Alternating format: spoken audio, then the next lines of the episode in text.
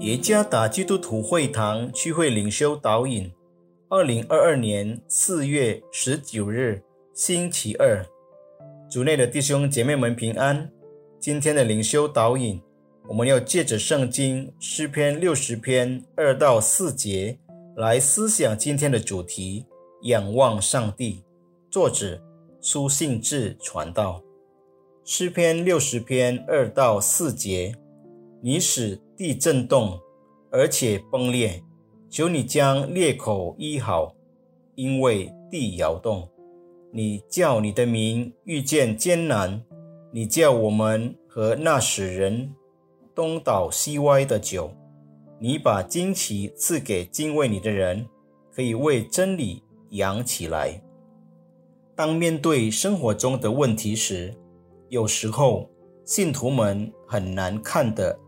见现实背后的希望，泪水似乎遮住了眼睛去看。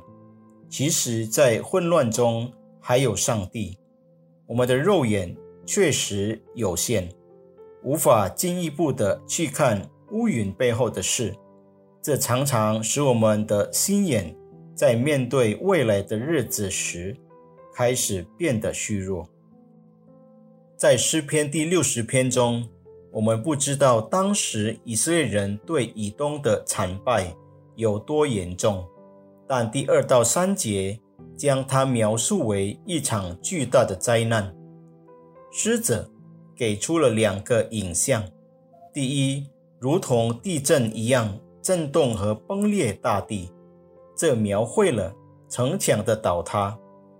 敌人攻击并摧毁了整个城市，甚至杀死了许多以色列的士兵。第二，犹如醉人的酒，这描述了在被毁灭的城市中受苦的百姓的状况。他们蹒跚而行，被恐惧和死亡威胁所克服。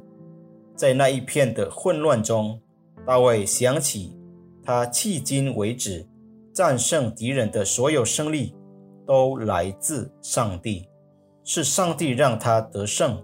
因此，大卫将以色列当时的状况带到上帝的面前，并满怀信心的盼望上帝保护他们免受敌人的见识，与赐给他们胜利的惊奇。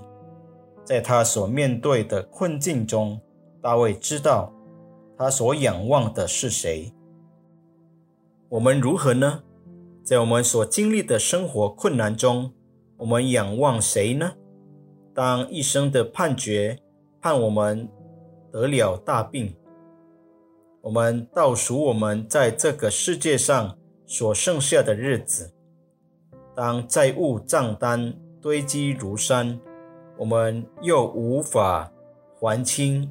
或与伴侣的爱情关系问题被愤怒和仇恨所取代时，我们向谁寻求帮助呢？请记住，我们的帮助是从上帝而来的，并从他那里我们获得胜利。那些仰望上帝的人将高举胜利的旌旗。愿上帝赐福弟兄姐妹们。